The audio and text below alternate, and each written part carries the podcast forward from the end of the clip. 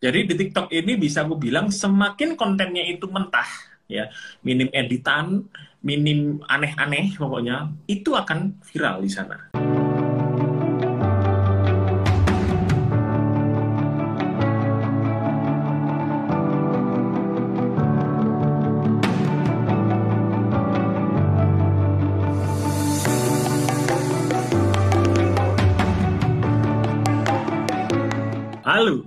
Halo, halo. Bentar, Halo, bentar, selamat bentar, bentar.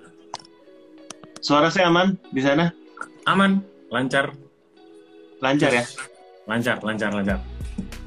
Asik. Om, Om di, di, di, di kota apa ya? Di Kalimantan kalau nggak salah Om. Oh, enggak di Malang, di Malang. Oh Malang. Oh saya kata Kalimantan. Malang bener. Oke Malang Malang. Iya. Iya, iya di Malang, di Malang. Apa kabar? Om Botak, manggilnya siapa ini? Aku manggilnya siapa? Om Botak. Iya boleh Om botak. Om Botak tapi nggak botak. Gimana tuh?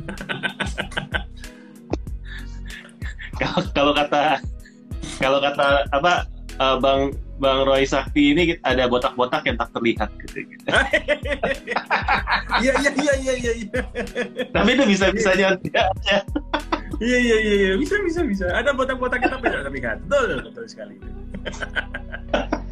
Oke, oke, oke. Oke, em, thank you banget Om udah udah udah gabung. Kayaknya jadwal lagi padat banget ya. Dan karena Ya, saya lihatin kontennya iya, belakangan iya. agak, agak sepi kontennya dibandingin biasanya. Iya, betul, betul, betul. Ya, dinilainya bisa dari situ sih sebenarnya. Jadi kalau konten sepi berarti jadwal Zoom, wah itu padat nih, padat merayap nih. Oh jadwal zoomnya lagi padat, bukan karena Iya. lagi siapin yang startup ini Om, startup yang yang baru ini. Itu kan juga termasuk, Mantap. kan termasuk. Gitu. Oke mantap. Om, Om Botak nih, eh, malam ini bahas apa nih kita nih? Kayaknya udah ada 61 juta orang yang nonton. Kurang nih kalau kalau kita kalau kita ngundang undang Om Bram ya kita nggak akan nggak akan spill sampai 10 juta orang. eh 10 juta orang. Jadi 60 juta 100 juta ya sampai 100 juta baru baru kita spill nanti guys. Nah jadi teman-teman coba manggil teman-teman lain yang belum bergabung ya supaya segera bergabung. Eh, karena malam ini kita akan ngomongin tentunya hal-hal yang berkaitan untuk bantu teman-teman dalam berjualan online ya, terutama gimana caranya funneling dari sosial media ke marketplace.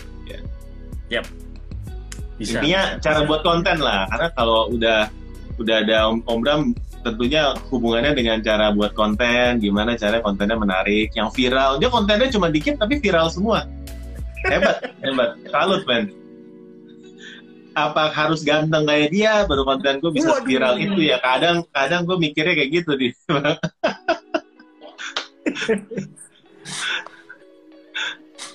Tapi se- se- sebelumnya ya sembari kita nunggu teman-teman yang yang belum hadir mungkin boleh di- dikenalin dulu mungkin buat audiensnya apa Om Botak gitu ya Botakers eh, sebenarnya profesinya apa setiap kapan main di sosial media atau bisnisnya tuh core bisnisnya apa mungkin mungkin monggo mas silakan Oke, siap. Eh, terima kasih udah dikasih waktu untuk sharing-sharing di sini juga bareng Om Botak. Aku dari dulu sebenarnya tuh eh, apa ya eh, terkesan gitu sama Om Botak sebenarnya dari siapa sih yang nggak tahu ya Om Botak shock itu siapa sih yang nggak tahu lah. Semua pasti tahu lah udah. Apalagi sampai di invite untuk eh, live bareng kayak gini tuh aku wah merasa respect banget gitu ya. Dan kalau misalkan perkenalan eh, buat teman-teman followernya dari Om Botak, lalu perkenalkan nama saya Bram, gitu ya paling simpel mau dipanggil Mas, Bang, Kang, boleh apa pun, yang penting jangan Pak karena belum bapak-bapak, gitu ya. Eh, aku aktif di sosial media tuh dari Ya. 2018, 2018. Eh, mulai di Instagram dulu pertama waktu itu eh, sudah mulai konten di Instagram 2018 akhir mulai di Instagram itu tentang bahas tentang bisnis langsung bisnis dan digital marketing. Nah itu di 2019, 2020 kemarin aku juga start mulai lagi di TikTok. Jadi eh, aku aktifnya di dua sosial media itu sih Instagram dan TikTok gitu ya. Tapi kalau sekarang mostly kebanyakan memang di TikTok, Instagram buat ya update story doang sih sebenarnya. Karena ya gitulah lebih gampang bikin konten video daripada konten gambar.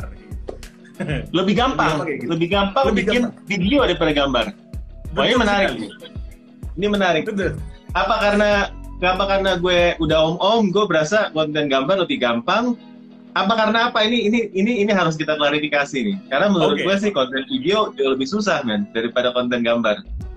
Oke oke oke. Gini, eh, gampangnya itu dari sisi ketika kita produksi. Jadi kalau misalkan kita eh, punya aku sendiri ya, itu konten videonya adalah ya ngerekam begini atau kita megang HP atau pakai kamera gitu. Ya kita ngomong ngomong sesuai apa yang sudah eh, di script atau otodidak langsung ke otodidak sih.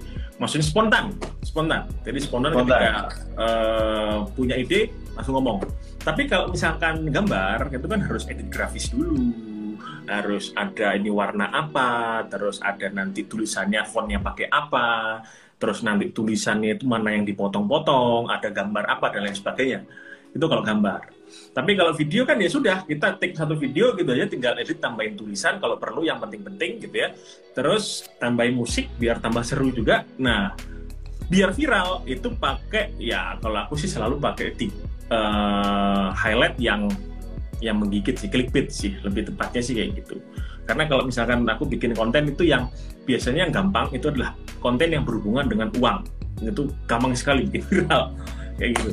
Itu sih eh, om botak Kalau boleh tahu biasanya bikin konten video dari awal eh, mikirin storyboardnya sampai jadi itu berapa lama om?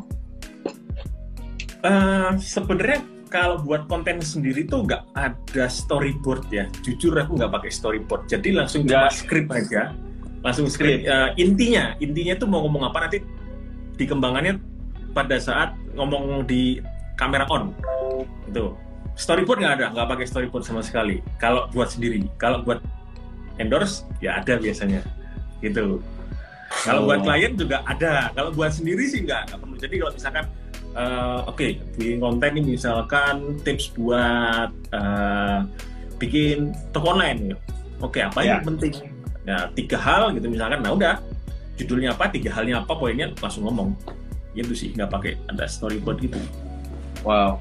Jadi dari dari mikir ketemu ide, Hmm? sendiri sampai ngedit, masukin kata-kata, masukin musik, Hmm? terus post itu berapa lama? Eh, sebenarnya kalau konten TikTok aja yang ringan-ringan pada saat take sampai jadi itu setengah jam udah selesai sih. Setengah jam. Mm-mm. Oke.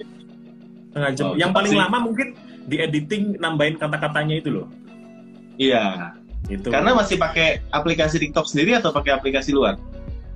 tergantung kalau eh, nggak ada voice over ya langsung ngomong gitu ya pakai langsung aplikasi TikToknya tapi kalau voice over ya berarti biasanya sih pakai InShot sekarang ya itu Tapi se- sebenarnya yang lebih penting itu kalau di TikTok kontennya ya, yang membuat gimana caranya orang penasaran. Kayak konten lu yang tukang sate itu nyebelin sih menurut gue sih. Gue udah nunggu gitu ya, tanpa lu gini-gini gitu ya. eh nggak ada isinya men.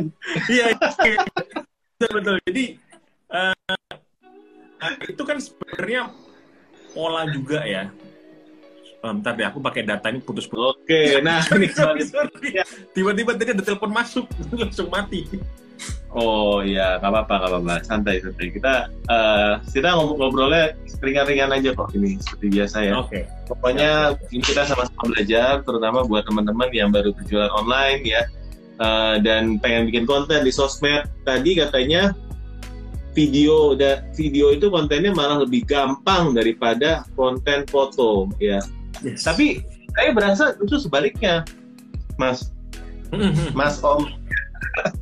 Eh, karena menurut saya saya tinggal kalau teks ya saya tinggal pikir, saya tinggal ketikin, terus udah tinggal masukin Canva atau gimana, ya udah kita tinggal posting.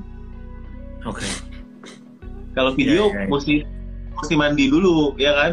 Ah. Seller online biasanya cara mandi kita, kecuali diperlukan. ya biasa kalau iya, mau live gini baru mandi, iya iya iya iya iya iya ya, betul betul betul kan bajunya rapi dulu. Kalau kalau yang sering ikut live saya misalnya baju gini-gini doang ya, saya cuma punya seragam buat live, sisanya sih pakai kaos aja biasa. Nah betul jadi effortnya effortnya ekstra apalagi kalau nge-shoot uh, muka sendiri kan kayaknya harus kelihatannya agak fresh atau memang konten TikTok itu ya pakai baju seadanya terus mukanya juga seadanya yang penting kontennya bagus orang mau gitu oke okay. uh, sebenarnya balik lagi ke personanya gitu. Jadi, yeah. mm, jadi kalau kita ngomongin deh, uh, kita punya punya tools finansial itu ya apa pun itu misalkan software finansial. Tapi kalau yang ngomong itu orangnya yang pakai kaos doang, apa ada orang percaya? Oke. Okay. Itu. Jadi balik lagi personanya. Jadi kalau dikira uh, personanya memang butuh terlihat keren, ya sudah memang berarti memang uh, mau nggak mau ya harus persiapan prepare dengan baik itu. Tapi kalau apa adanya gitu kan nggak ada hubungannya dengan persona kita ya it's okay gitu. yang penting balik lagi ke kontennya yang kita buat. Gitu. kontennya harus agak clickbait ke tukang sate gitu ya awalnya ya? Iya semua harus begitu. Besok kau buat ya gimana caranya supaya rame endorse sana sini ingat selalu kata tukang bakso misalnya. Ya, ya apa tukang baksonya bilangnya apa ya nggak tahu silakan menebak sendiri di komentar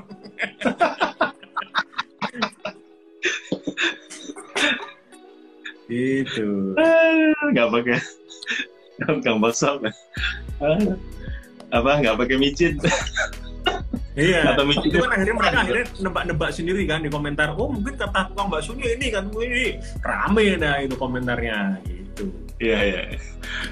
Oke, nah berarti sekarang kesibukannya lebih untuk uh, ngajar di kelas-kelas yang tentunya teman-teman yang belum tahu nih dari uh, Om Bram ini dia punya banyak kelas-kelas yang bermanfaat ya terutama buat teman-teman yang pengen belajar cara konten ya.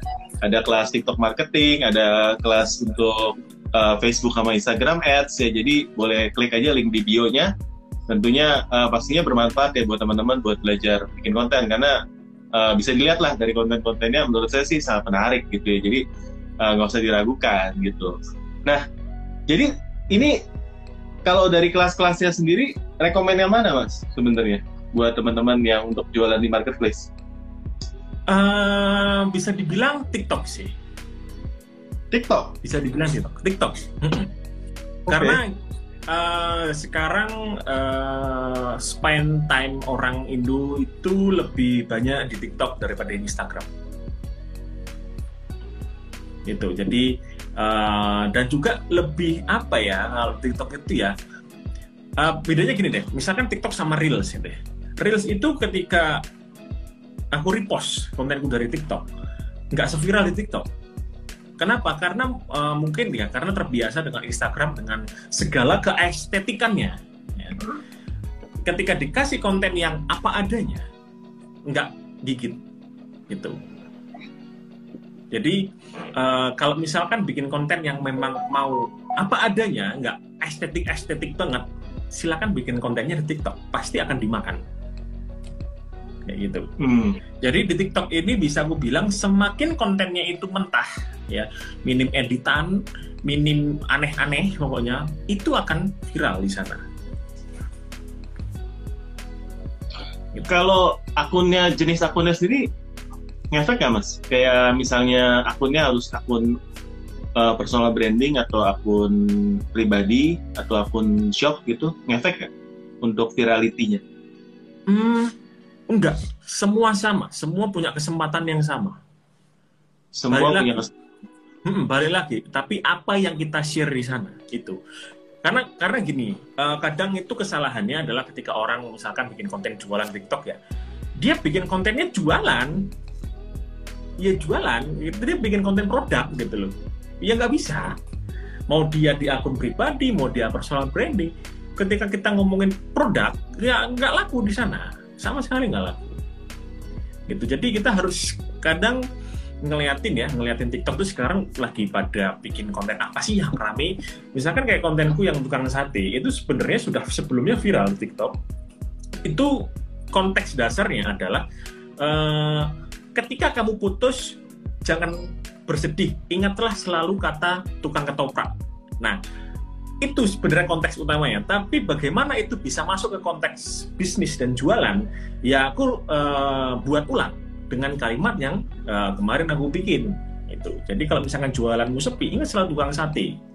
Itu dengan konteks yang sama uh, konteks yang beda tapi formatnya sama. Karena format itu lagi viral.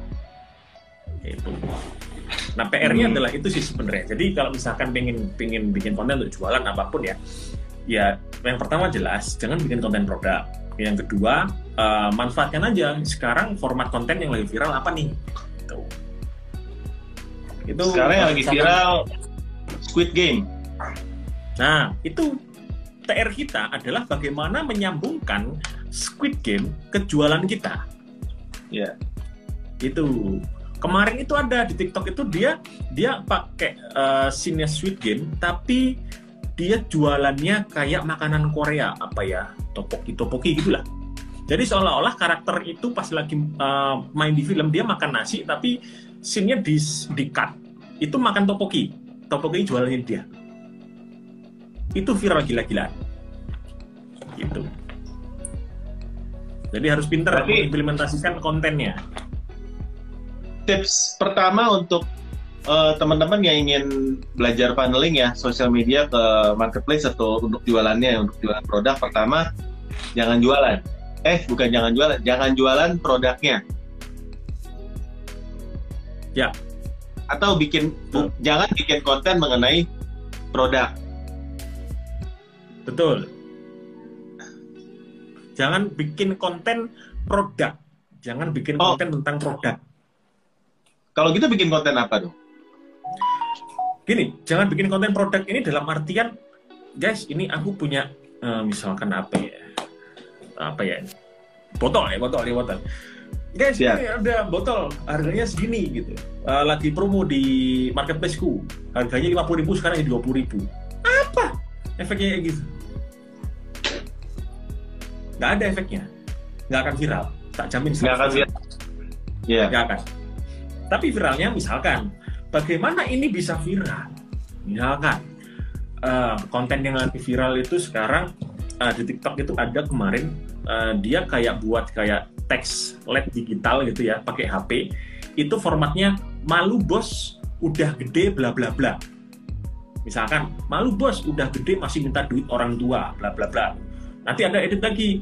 Uh, kemarin aku bikin juga malu bos gagal bisnis sekali kok udah nyerah. Viral juga. Nah sekarang kalau misalkan jualannya ini malu bos masa uh, botolnya masih plastik bukan yang uh, gini. Jadi kayak gini loh bikin kayak gini kita. Ini kan balik tapi ya itu itu sih. Keren, ya? Itu running text di HP ya? Iya, uh, aplikasinya apa ya ini? Uh, aplikasinya digital LED signboard. Ya kita oh. tinggal tulis saja nanti akan muncul sih. Itu. Wow. Jadi bagaimana meng, uh, mengimplementasikan konten yang lagi viral ke ke niche kita? Itu. Kita nah. bicaranya niche ya. Ya, ke niche. Berarti dari kita memang harus menyediakan waktu untuk sering-sering belajar mengenai apa yang lagi viral di dalam sosial media tersebut. Betul, betul, betul itu. Jadi uh, kalau dibilang ya uh, spare waktu dua jam sehari untuk scroll TikTok, biar tahu apa yang lagi viral kontennya, format konten yang lagi banyak dipakai orang. Itu paling gampang itu. Nah tugasnya nanti mungkin latihan uh, gimana sih cara formatnya dia bisa masuk di jualanku gitu. Berarti yang tadi Om bilang cuma bikin video setengah jam mah nggak fair itu. Dua jamnya nggak disebutin nih awal. ah, iya kan tadi nanya berapa berapa menit untuk dari dari skrip sampai selesai ya kan. Belum risetnya. Belum risetnya. Wah, itu. Susah ya bikin konten ya. itu belum risetnya. Ya, ya tapi saya percaya sih untuk teman-teman yang bisa berhasil ya jadi influencer, jadi apa bikin konten yang bagus itu uh, salut sih buat risetnya. Kayaknya saya nggak nggak percaya sama kebetulan ya. Itu semua pasti udah hasil dari kerja keras gitu ya. Kalaupun kebetulan viral satu dua kali habis itu ya, kan ya, ya. nggak viral lagi gitu ya karena karena kalau ya. hoki biasanya dia nggak tahu format dan patternnya yang benar kayak gimana. Kalau kita bisa lakukan itu berulang-ulang, berarti udah paham nih. Bukan hoki namanya, tapi memang udah paham algoritmanya seperti apa. Kerja keras tuh. Salut buat teman-teman yang, yang yang bisa di konsisten seperti itu sih. Betul betul. Nah kalau kalau uh, mungkin aku tambahin juga kalau misalkan sekarang uh, jualan online apa pun, jualan online apa pun ya, produk jasa, produk digital terserah. Semua harus bikin konten. Nggak bisa enggak. Kita Semua harus. bukan se- semua harus. Kita bukan kayak eh, enam tahun yang lalu mungkin masih zamannya kaskus ya, yang posting terus sejam kemudian ada yang ngechat gan masih ada enggak kita sudah nggak di era itu lagi. Kita sudah era di mana ini konten war. Jadi siapa yang bisa bikin konten yang paling viral, dia yang menang. Bukan berarti jualan online di sekarang ini kita upload produk lalu berharap laku besoknya. Tidak dong, tidak seperti itu dong. Itu sudah beda zamannya. Itu. Jadi mau nggak mau, suka tidak suka, bisa tidak bisa, harus konten itu harus. Bukan bukan eh, opsional atau pilihan, tapi kewajiban sudah maksudnya. Kalau kita nggak bikin konten, bagaimana orang tahu jualan kita apa, gitu kan? Nah, yang paling Hmm. gampang cara promosi paling murah dan nggak ada mengeluarkan biaya, ya bikin konten di sosial media. Itu selama kita Program bisa ada- Toko online nggak om? Kenapa? Om ada toko online nggak? Ada sih sebenarnya di Shopee. Oh ada di Shopee. Ada, ada. Wah, Itu ada sih. Ya masih star seller doang sih, belum plus. masih star seller ya. Iya, belum plus Nah, lah. Eh, apa yang dilakukan supaya bisa bantu untuk toko Shopee-nya itu? Gimana caranya supaya bisa dorong traffic ke sana? Bikin konten sama aja. Bikin konten. Iya, bikin konten. Ada akun khusus, akun khususnya ada, untuk ada, ada. Ada, kalau itu ada. Personal branding atau eh, timnya yang yang buat Tim. konten buat itu? Tim. Di gitu. Jadi aw- awalnya sih eh, dulu pakai eh, suaraku ya, suara. Jadi aku hanya sebagai voice over. Mungkin ada yang mengenali suaraku. Di TikTok itu sebenarnya ada. Lu ini kan suaranya Mas Bram. Wah, ini orang-orang kok jadi tahu sih. itu Tapi akhirnya eh, dirubah pakai suara orang lain, pakai suara Tengku gitu. Oke. Mantap. Karena Jadi- ya itu tadi memanfaatkan ya apa yang gratis kita gas lah gitu. Kan pilihannya kan cuma dua. Kita punya waktu atau kita punya uang. Kalau punya waktu banyak, ya berarti cobalah bikin konten biar nggak perlu ngeluarin uang untuk iklan. Ya kan? Tapi kalau kita punya uang, ya sudah silakan untuk iklan. Nggak perlu banyak waktu memakan waktu untuk bikin konten. Gitu. Pilihannya Hmm. waktu dan uang aja sebenarnya. Ya, kalau punya uang eh, bisa minta endorse ya, endorse Ya, Pakai. dan endorse-nya buat diiklanin. betul kayak gitu. Tapi kalau nggak kan? punya uang, ya sudah kita memanfaatkan waktu kita sendiri untuk bikin konten. Gitu aja sih. Kalau nggak- Kalau nggak punya uang, nggak punya waktu, piye mas? agak gimana ya? Kayaknya nggak niat bisnis sih itu. agak gimana ya? Susah juga tuh. itu sih nggak punya uang nggak punya waktu tapi mau bisnis ya susah juga sih Iya. Nggak punya uang, nggak punya waktu, nggak punya apa? Tapi mau kaya, susah sih itu susah sih susah. Ya, susah. iya. kalau tahu rahasianya, saya ingin ikut, ikut kelas kalau ada kelasnya. Aku juga mau daftar paling pertama.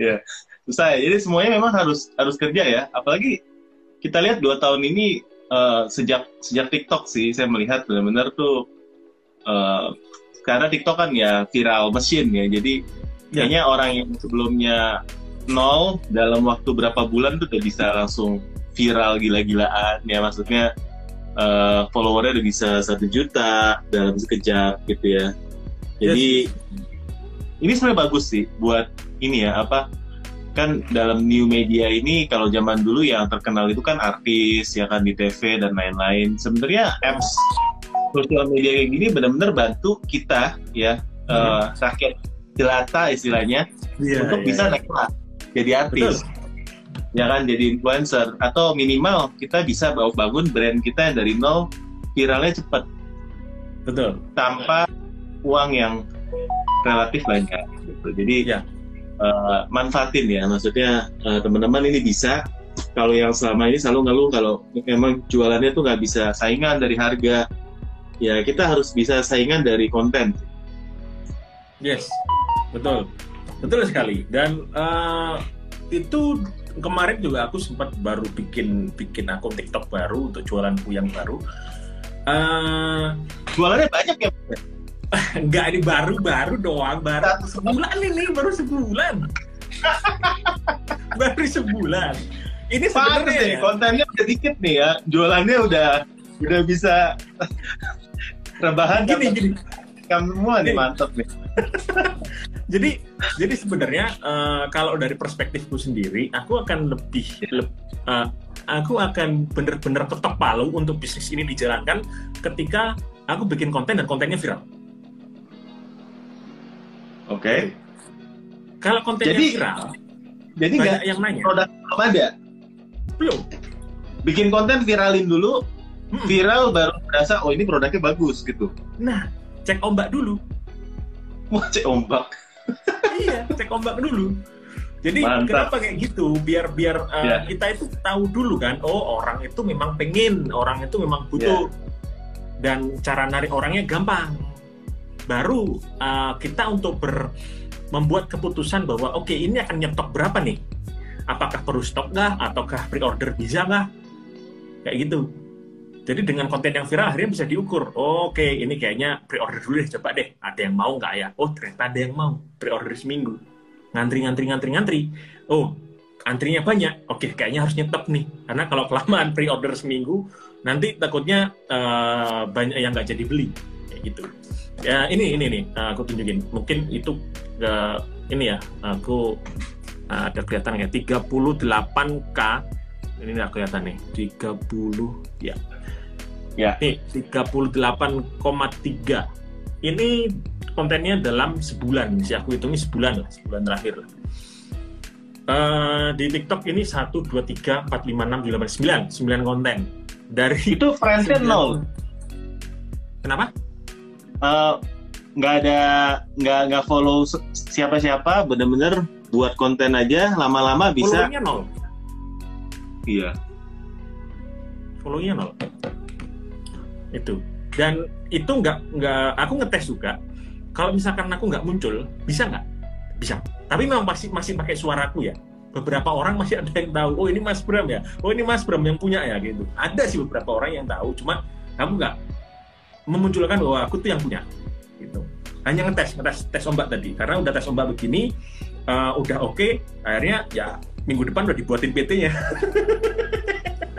Wah, mantep ya langsung PT-PT ya gitu ya mantep ya gitu.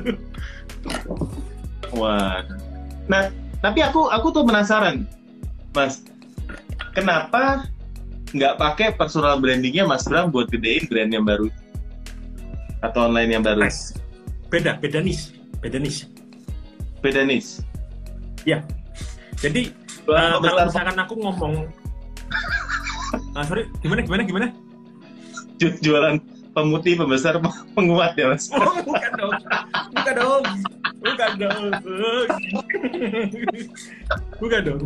Jadi eh, ini ini niche-nya sih lebih ke finance ya, lebih ke finance kan aku jual jual eh, mining crypto itu loh. Aku jual alat-alatnya untuk orang Yes, yes, supaya dia bisa mining gitu kan. Itu kan Iya. beda niche dengan bisnis bareng Bram. Jadi makanya aku nggak pernah aku nggak akan pernah promosiin ini di bisnis bareng Bram karena nanti akan pecah kayak gitu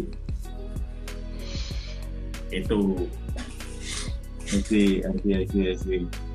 Uh, tapi proven ya, berarti uh, bisa bisa pakai TikTok ya terutama kalau saya lihat ini apa Mas Bram ini lagi fokus banget di TikTok ya untuk uh, gedein di sana ya dan memang bisa uh, sekarang masih masih semudah itu ya bukannya sekarang ya lebih sulit untuk bisa viral gitu karena udah banyak shop-shop yang memang lagi dipush sama TikToknya sendiri uh, atau memang masih semudah itu buat viral gitu di di TikTok.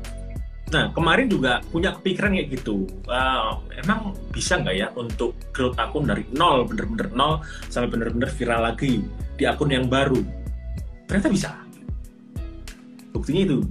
Nah itu sekalian ini uh, aku sebagai uji validitas untuk aku share ke teman-teman di kelas bahwa ini loh aku sendiri itu bisa nggak nunjuk, nunjukin uh, seorang Bram atau orang di sana itu bisa hanya sebagai voice over gitu loh ya kan itu yang pertama yang kedua uh, memang sekalian tes ombak sih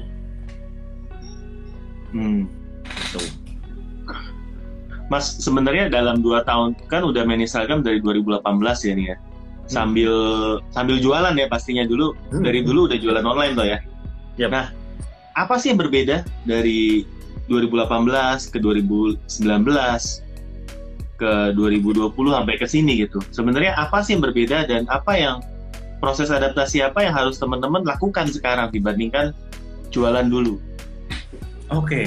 uh, eh, proses adaptasi mungkin di Instagram itu dulu yang pertama kita jualan dengan ya kita pakai hashtag misalkan jual apa ya jual botol kayak gitu jual botol Malang gitu kan. Jualan Malang itu bisa. Tahun 2018 itu masih bisa. Tapi masuk 19 wah ini ini nggak bisa nih. Ini udah mulai diempet-empetin disembunyikan nih fitur ininya terus habis itu 2020 itu kita harus bikin konten yang carousel carousel gitu kan. Yang banyak swipe swipe swipe swipe swipe nah, 2021 ini Reels kayak gitu. Jadi sebenarnya beradaptasi sama fitur yang lagi diunggulin sama Instagramnya aja sih. Kayak gitu. Jenis kontennya juga. Jadi kalau misalkan kita masih sekarang uh, belajar Instagramnya posting lah pakai hashtag ini pakai hashtag itu sudah tidak zaman lagi sudah tidak bisa sudah tidak bisa itu jadi sebenarnya lebih yang... pakai reels atau story kan sempat postnya nggak efektif story terus gitu sekarang lebih efektif mana Uh, kalau membawa orang yang non followers itu jelas reels. Story kan hanya untuk yang follow kan, kayak gitu. Jadi kalau misalkan di untuk mencari reach baru, ya gunakan reels. Kalau story itu biar kita engage sama orang-orang yang follow kita, gitu. Nah, ini yang tadi yang aku buat di TikTok itu 30 ribuan follower, itu aku konekkan sama Instagram. Instagramnya sekarang ya masih 4000 sih, 4000. Itu nggak ada hashtag sama sekali di sana. Jadi cuma sekedar pamerin hasil uh, produknya, ya sudah sekedar itu aja sih. Itu orang-orang dari TikTok follow-nya ke Instagram. Nanti dari Instagram di funnel langsung ke WhatsApp. Ya gitu. Karena kalau ini karena kalau transaksi di marketplace itu aku selalu jadikan nomor dua. Nomor pertama pasti harus transfer langsung. Kenapa seperti itu? Karena yang pertama uang endap. Ya. Yang kedua ada kemungkinan untuk komplit. Ya. Biasanya kalau misalkan nih uh, di marketplace dia oke okay, di marketplace. Oke okay, boleh silakan di marketplace. Harganya naik 10% ya. Gitu jadi orang nggak jadi. Akhirnya nggak jadi.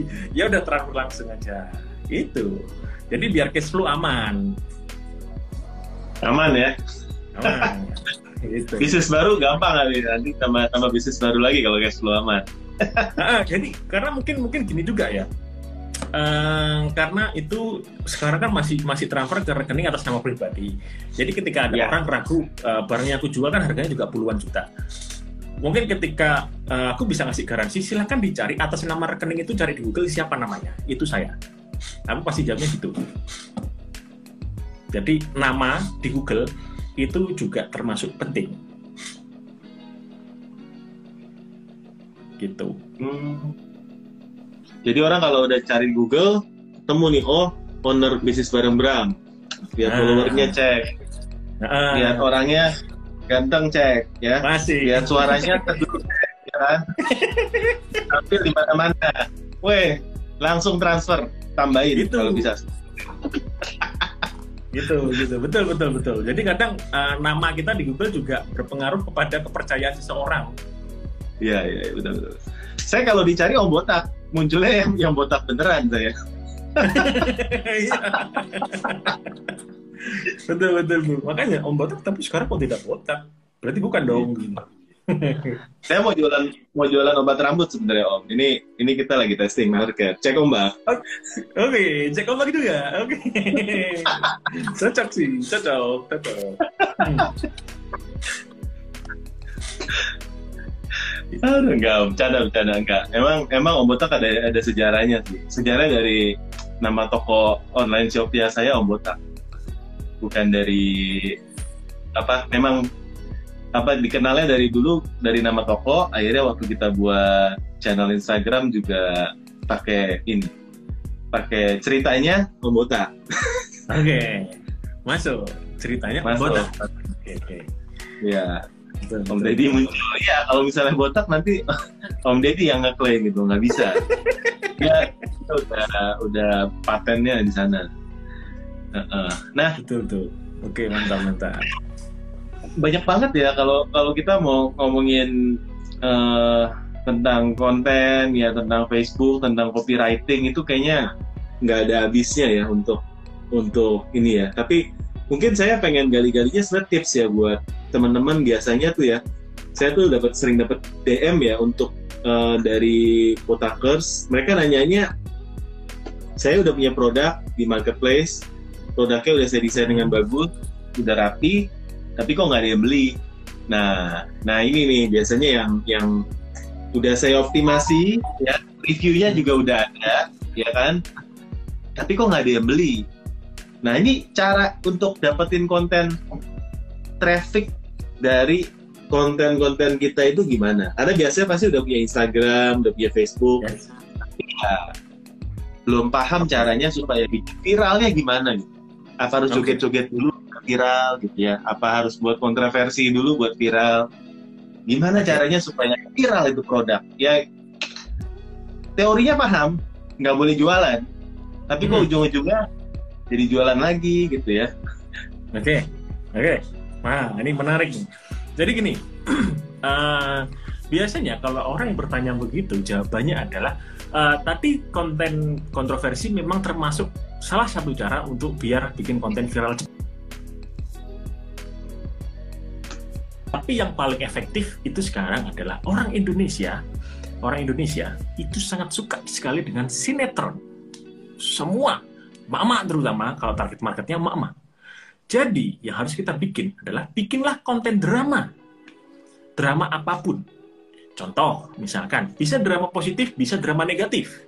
Drama positif, misalkan, kita setting ada suatu konten. Jadi, ada seorang pembeli, seorang customer gitu ya, mau beli produk kita. Produk ini dia kasihkan untuk ke mamanya sebagai hadiah ulang tahun. Misalkan seperti itu direkam bagaimana proses dari customer ini dia ngechat ya terus kita uh, kita kasih uh, mungkin ada greeting cardnya di sana gitu kan nah akhirnya sampai produk itu dikirim dan customer itu nge-review bahwa ini terima kasih banget mamaku jadi seneng banget sekarang gitu jadi uh, aku yang udah dewasa ini mungkin jarang perhatiin mamaku Uh, sekarang uh, mamaku rasanya senang dan aku juga senang bisa membahagiakan mamaku. Dengan seperti itu, orang lain akan terbawa suasana. Alam bawah sadarnya akan menerima. Oh, kalau misalkan aku beli produk ini untuk aku kasihkan hadiah ke mamaku juga, mamaku akan bahagia. Itu. Jadi itu mainin emosi banget ya. Iya. Kayak gitu. Itu- Walaupun orang tahu itu settingan, tapi tetap nonton, tetap suka. Iya. Itu. Ya, ya kalau kalaupun settingan ya, kalaupun settingan ya jangan sampai terlihat banget lah.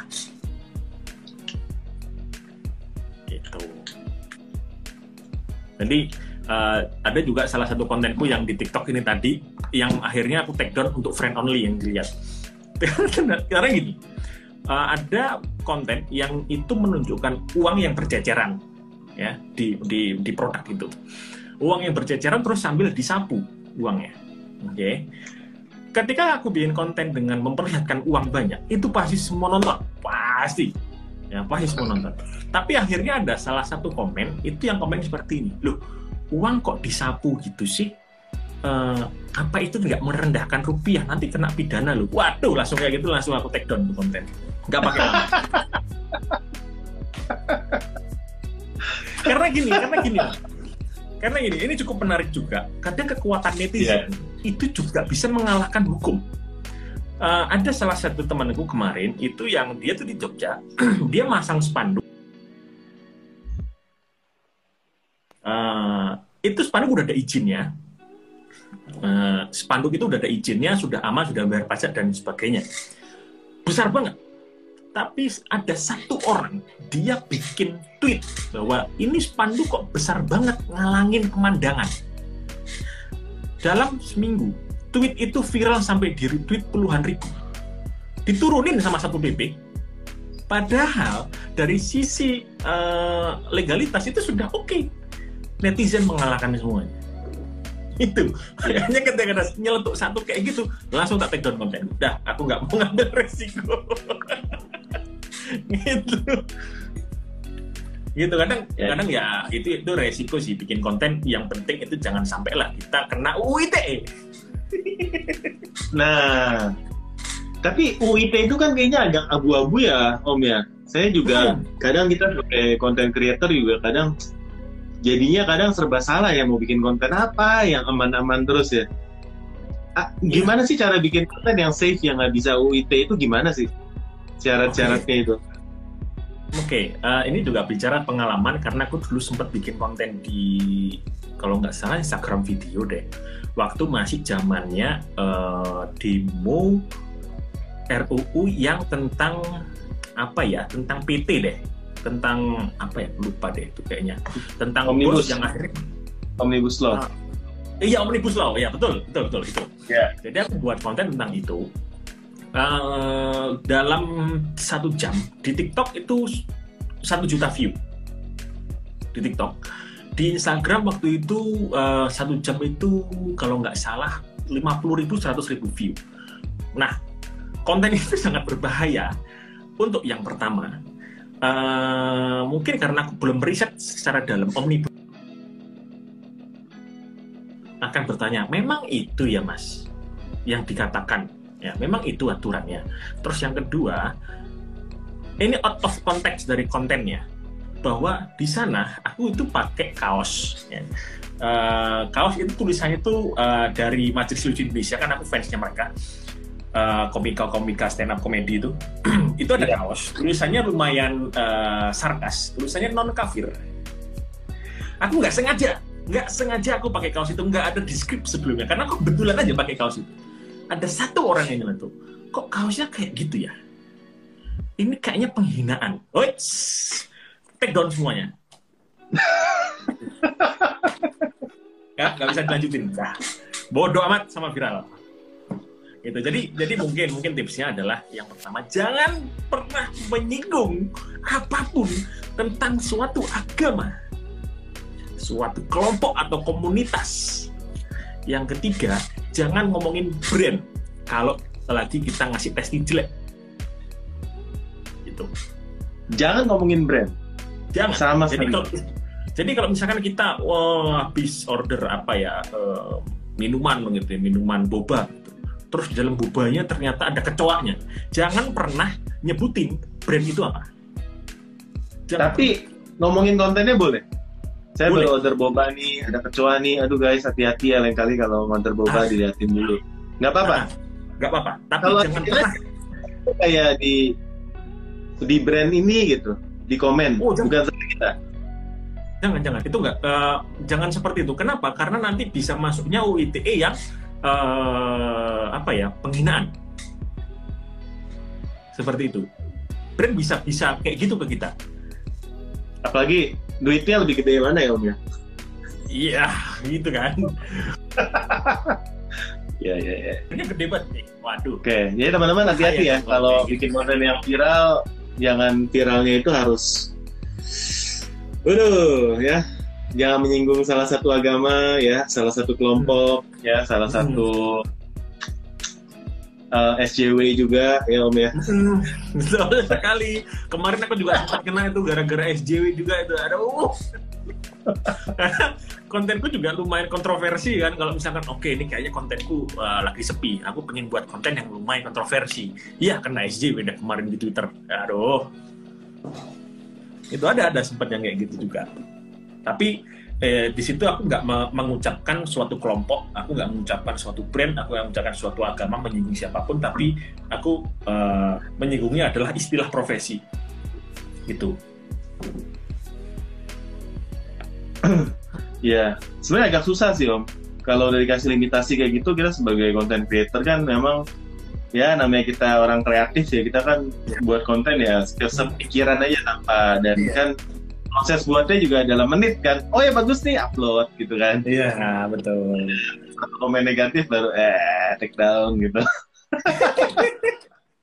sebenarnya kalau kalau komen, komen negatif doang menghujat eh, kontennya selama atau kita diomongin nah, goblok lah bodoh betul terserah terserah tapi Malah bagus. sampai malah bagus kalau ada kontroversi Om. oh ya terserah Viral. nggak masalah tapi kalau sampai ada yang tersinggung wah dah urusannya ribet itu. Wow, menarik ya. Jadi teman-teman hati-hati guys. Ini ini dari sharing dari Om Bram ini eh ya bagus ya. Kita sebagai konten ya hati-hati U, U ITE. Em, hati-hati ya intinya jangan sampai kita nyinggung brand, nyinggung kelompok dan lain-lain. Walaupun kita memang pengen sebenarnya pure untuk hanya untuk konten, untuk memviralkan brand kita, malah nanti brand kita kena dari amukan ya masa yang dari kelompok yang kita singgung gitu ya hati-hati guys ya jadi eh, itu bahaya ya kalau mau jelek-jelekin jelekin diri sendiri nah kalau jelekin diri sendiri itu gak aman ya aman. Soalnya kan ya diri sendiri gitu ya. Aku ini orangnya kayak gini loh gitu. Maksudnya aman. Jadi nggak nggak nggak akan ada yang nuntut kecuali mama kamu ada yang nuntut. Gitu. Iya, mantap. Nah, waktu kita tinggal 10 menit nih, mungkin eh, kasih pesan-pesan aja buat teman-teman yang lagi merintis ya, ya Om ya, Eh, Hmm. dalam membuat konten. Ya mungkin udah buat konten berapa bulan, kok nggak ada yang viral, ya kan? Lihatin Om kayaknya buat konten tuh viralnya mudah gitu ya. Apa sih rahasianya? Apa harus selalu Oke. tersenyum gitu? Oke, Eh, mungkin gini deh teman-teman yang sekarang lagi jebak merintis ya. Eh, kalau misalkan produk sudah terlanjur ada, ya, ya itu coba sekali-sekali bikin konten drama, di drama-dramain. Gini, di dalam dunia konten itu bukan 100% pure apa yang terjadi fakta, bukan. Nah, ada namanya settingan. ya. Boleh kita melakukan itu monggo, nggak masalah selama kalau bisa settingannya itu yang positif ya kayak misalkan tadi aku contohin yang uh, untuk hadiah tadi yang beli produk Iya. untuk hadiahnya siapa itu boleh ya nggak masalah. Itu yang pertama boleh dicoba. Jadi seolah-olah ada orang yang beli. Yang kedua em, buat konten di mana pun silahkan ya mau di Instagram mau di TikTok mau di YouTube Twitter boleh. Semuanya nggak masalah. Nanti eh, kelihatan kok mana yang paling laku. Karena gini nggak ada jawaban pasti dari pertanyaan Mas Bram bikin konten di platform apa ya? Gitu nah itu nggak ada jawaban jawaban pasti dari pertanyaan aku harus bikin konten di platform apa? Semuanya harus dicoba karena ini bukan matematika yang satu plus satu sama dengan dua. Dunia digital marketing itu luas sekali sangat-sangat luas dan dinamis. Ada yang misalkan jualan sepatu lebih laku di TikTok ada juga yang jualan sepatu lebih lakunya di Instagram. Sama-sama jualan sepatu gitu. Jadi semuanya itu bebas nggak ada aturan tentang itu. Terus yang ketiga eh, kalau misalkan eh, kita bikin konten jangan pakai mindset kita sebagai pedagang. Ya. Kalau kita pakai mindsetnya kita sebagai pedagang pasti bikin kontennya itu produk. Pasti itu dijamin. Mindset pedagangnya itu ditinggalkan dulu. Ya, kita pakai mindset baru adalah kita create konten untuk orang lain bukan untuk diri sendiri. Ya, create konten untuk orang lain ya berarti kenapa orang harus nonton kontenmu? Gitu. Kenapa orang harus nonton kontenmu dari awal sampai akhir? Emang efeknya buat mereka apa? Benefitnya apa? Gitu kan. Kalau misalkan uh, kita pakai mindset pedagang, kita akan bikin konten ini guys, uh, botol ini tuh harganya segini Kenapa orang harus nonton konten itu? Apa efeknya buat mereka? Orang mereka nggak ada efek apa-apa, kok benefit nggak apa-apa, ya nggak akan viral kontennya. Jadi dibalik, kita bikin konten dengan alasan kita bikin konten untuk orang lain memberikan sesuatu, memberikan manfaat. Entah itu ilmu boleh, informasi boleh, fakta boleh, drama boleh, emotional things boleh. Ya, yang penting kita pakai mindset content creator bukan mindset pedagang kalau mindset pedagang, wis pasti kontennya tentang promosi produkmu. Itu susah, susah seperti itu. Kayak gitu sih, ya. Susah buat viral, iya ya. Wow, ya keren banget ilmunya. Ya teman-teman yang pengen belajar lebih dalam mengenai cara buat konten, terutama di TikTok, ya cek aja dari uh, di bisnis bareng Bram Instagramnya di profilnya tuh ada ya gimana cara join. Silakan di check out karena menurut saya ini banyak, sangat super insightful ya pasti bakal belajar banyak gimana caranya bikin konten sama Mas Bram ini. Tentu uh, udah proven ya udah berapa kali buat uh, online shop yang bisa dipaneling dari uh, sosmednya sendiri ya dan orangnya juga asik ya suka ketawa asik. jadi ramah kan Ya, jadi jangan takut ya. Kalau kalian nggak percaya, tinggal cari namanya di Google ya. Asik. Ya, ya. Oke. Oke, thank you banget uh, udah meluangkan waktu di tengah kesibukannya. Appreciate banget udah mau berbagi ilmu. Uh, mudah-mudahan semua yang di apa dikerjakan sekarang semuanya berhasil dengan baik ya uh, dan dikasih kesehatan untuk Om sama Amin. keluarga. Amin. Sukses Om. Ya, mudah-mudahan suatu saat kita bisa Amin. bertemu ya, secara fisik. Juga, sama -sama. Ya. Dan banyak belajar sama sama Om cara ya. buat konten. Ya, oke, okay, thank you. Selamat malam. Selamat beristirahat buat teman-teman. Bye. Selamat malam. Yuk.